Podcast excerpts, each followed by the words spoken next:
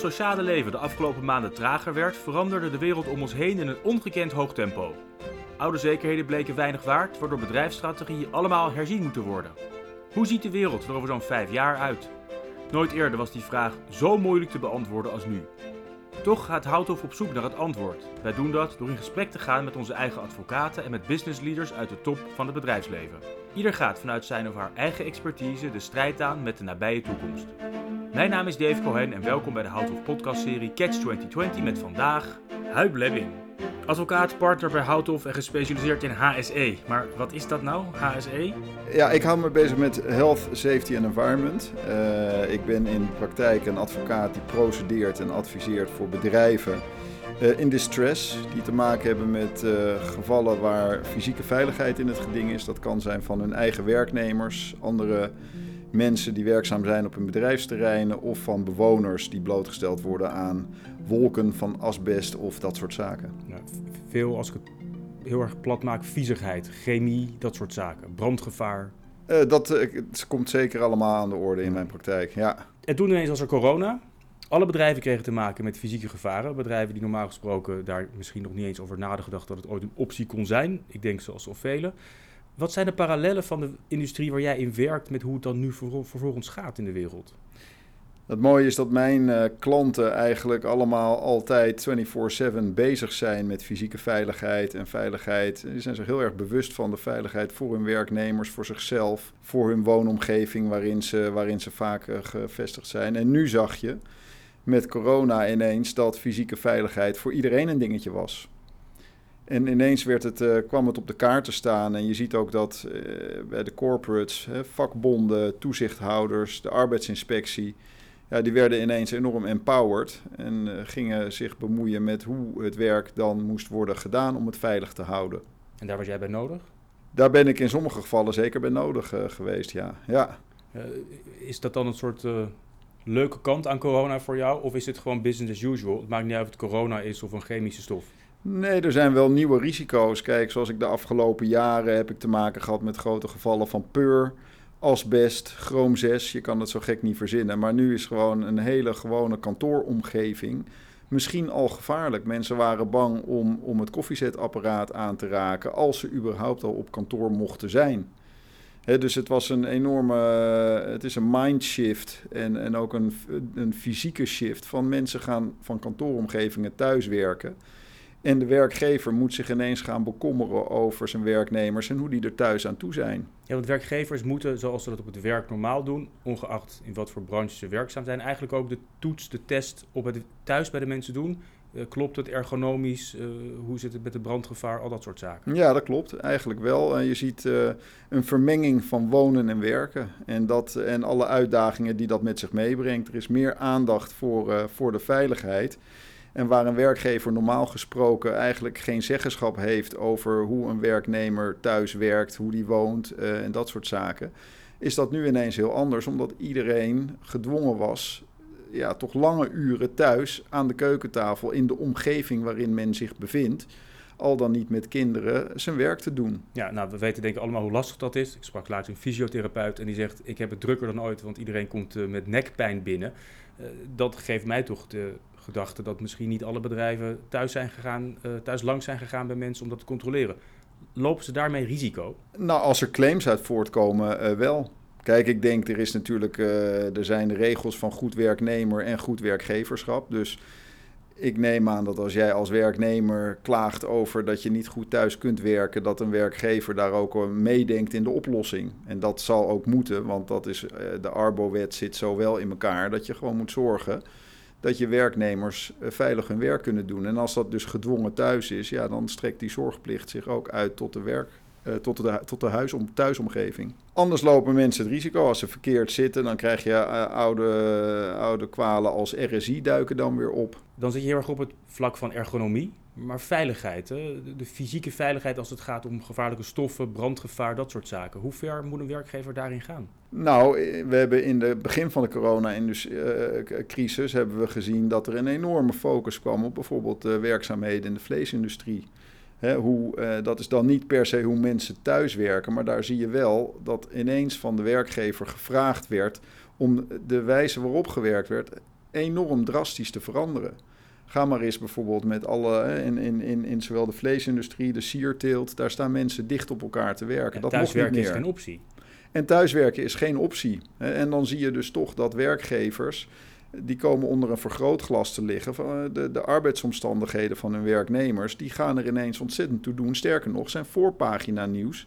Als de veiligheidsregio achter je aankomt of, uh, hè, of de arbeidsinspectie, de ISZW, ja, dan zul je toch moeten aantonen dat je de regels van de, uh, het arbeidsomstandighedenbesluit, dat je die goed, goede inhoud geeft. De bedrijven waar jij gewoon bij bent te werken, nou, daar was veiligheid altijd al topprioriteit op een andere manier dan het nu is geworden. Wat zijn nou de lessen die je heel makkelijk bij hen kon leren die op de huidige situatie en op de toekomstsituatie geplakt kunnen worden? Nou, mijn klanten zijn van oudsher, uh, druk ik ze op het hart, dat ze niet alleen goed voor hun mensen moeten zorgen, maar dat ze het ook heel goed moeten documenteren, omdat ze altijd achteraf met claims kunnen worden geconfronteerd. Als je, het, uh, als je het heel bout stelt en je hebt het over asbest, dan kan je daar over 20 jaar pas ziek van worden. Dus dan moet je goed zorgen dat je vast hebt gelegd hoe je arbo-beleid eruit ziet, hoe je risico-inventarisatie en evaluaties goed zijn. Nou, dat is nu uh, voor, voor de bedrijven nu veel meer van belang. Hè. Dus je, je moet zorgen. En ik, ik, klanten van mij, die hebben hele rapporten geschreven om te laten zien hoe ze in coronatijden hun beleid hebben aangepast om te zorgen dat hun werknemers veilig waren. Nou, dat is vanuit maatschappelijke verantwoordelijkheid een groot belang. Uh, dat is vanuit de OR een belang. Die kijken daar natuurlijk in mee. Raad van Commissarissen zal willen weten hoe een directie zijn verantwoordelijkheid oppakt. Maar ook de banken bij financieringen, die gaan ook de, de, hun bedrijven de maat nemen. Die gaan ook kijken, zijn, is dit een bedrijf dat ik kan vertrouwen in tijden van crisis? En daar kan een bedrijf hele goede sier meemaken als ze het heel goed hebben gedaan. En als ze het niet goed hebben gedaan, ja, dan komen ze er slechter op te staan. We hebben het nu gehad over wat je hebt zien gebeuren en wat, nou, wat iedereen heeft zien gebeuren. Maar welke nieuwe realiteit dient zich aan? Er gaan dingen blijvend veranderen. En Ja. hoe zit dat voor jou voor als het gaat om die veiligheid? Nou, als je, als je kijkt, eh, zoals eh, Johan Cruijff zei, elk, elk nadeel heeft zijn voordeel. En we hebben het net over de nadelen gehad. Hè? Vakbonden, toezichthouders. Iedereen is zich meer bewust van veiligheid. En men moet dus ook creatiever daarmee omgaan. Dus de, de, de voordelen eh, zijn dat er dus op de werkprocessen meer focus komt. Meer focus op Arbo. Dat betekent dus ook dat uh, bedrijven niet alleen goed moeten zijn in het beleid dat ze hè, het zorgen voor hun werknemers, maar dat ze ook dat moeten kunnen aantonen dat ze dat goed doen. Uh, en je ziet dus ook dat werkgevers heel creatief omgaan met de regels van, de, van het Arbo-besluit om te zorgen dat die mensen weer uh, veilig kunnen werken. En als ik aan een advocaat vraag of het goed is dat mensen creatief omgaan met de regels, dan zou je kunnen zeggen, nou, dan komen er ook misschien wel gekkigheden naar boven. Dat kan, maar doordat er meer aandacht is voor, uh, hiervoor en vakbonden en, en toezichthouders steeds dichter op de werkplek zitten en ook onder het vergrootglas liggen, want alle media kijken mee en met mobieltjes is, de hele, is heel Nederland een werkvloer geworden. Ja, dat, uh, dat maakt dat je als werkgever ook goed moet zijn, creatief moet zijn en dat in samenspraak met de toezichthouders invulling moet worden gegeven aan, aan situaties waar helemaal geen normen voor bestaan. He, dus dus de, het is niet zo van maar die, als je die het normen zo. moeten dan dus komen. Nou, die normen, die, het zijn open normen. Het Arbo-besluit geeft open normen voor een veilige werkomgeving. Hoe je dat inricht, moet je zelf bedenken. Hè? Ik bedoel, de voorbeelden die in de kranten stonden van de vleesverwerkende industrie, waarbij je ziet dat er tussen elke uh, uitbener uh, een x aantal afstand was en, en er ook allerlei schermen tussen mensen werden geplaatst. Ja, je had nooit gedacht dat je zo zou gaan werken. Uh, maar het werkt wel en het, en het, en het leidt tot, uh, tot resultaten. En dat is creatief. Wordt de werkvloer daarmee uiteindelijk ook overal veiliger? Uh, nou, ik denk wel per saldo. Hè, als je ziet dat, mensen, dat er meer mensen thuis werken, de mensen die, die niet thuis kunnen werken, dat er meer aandacht is voor hun, voor de, hun veiligheid, denk ik dat je per saldo.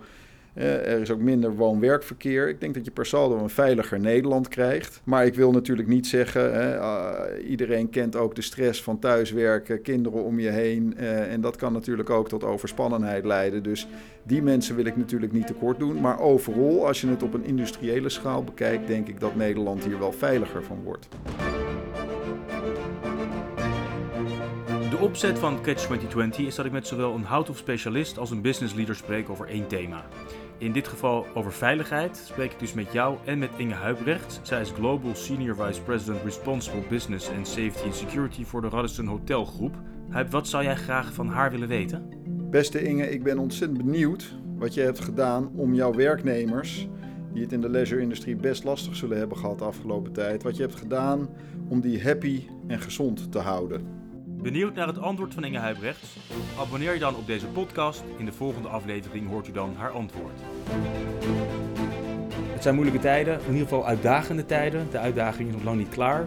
Je hebt veel verstand van het om, de omgang met, uh, met onveiligheid. Wat voor advies heb jij voor de luisteraar, voor wie dan ook, uit welke branche? Voorheen was de reputatie van een bedrijf die deed er eigenlijk alleen maar toe als er echt grote misstanden waren, fraude, dat soort zaken. Maar wat je nu ziet in deze crisisperiode, is dat media ook vooraan staan als jouw medewerkers niet werken op een veilige manier. Uh, als je medewerkers unhappy zijn met de manier waarop ze werken en daarvoor de media opzoeken. De reputatie van een bedrijf wordt nadrukkelijk nu ook afhankelijk gemaakt van de arbeidsomstandigheden die er binnen zo'n bedrijf zijn. En zeker als jij een bedrijf bent met een zekere naam en faam, ja, dan kan de media ook makkelijk scoren als jij je niet aan de regels houdt. En dat zie je natuurlijk in het klein, of eigenlijk misschien in het heel groot, bij minister Grapperhaus. If you don't practice what you preach, dan ben je kwetsbaar. En dat is je reputatie, ligt dan, uh, ligt dan, uh, kan, kan dan serieuze schade oplopen. En dat is denk ik wel een verschil met hoe het vroeger was, waar veel meer dingen zich achter, de, uh, achter, achter, achter gesloten deuren afspeelden. Nu moet je je daarvan bewust zijn en ben je dus gewoon net zo goed als je zwakste schakel. En daar moet je je altijd van bewust zijn. Dankjewel Huip, dank voor je uitleg en je advies. Laten we hopen op vooral veiliger tijden. Voor meer informatie kunt u terecht op houthof.com en abonneert u zich op deze podcast. Veel dank voor het luisteren. Tot zover aflevering 1 van Catch 2020.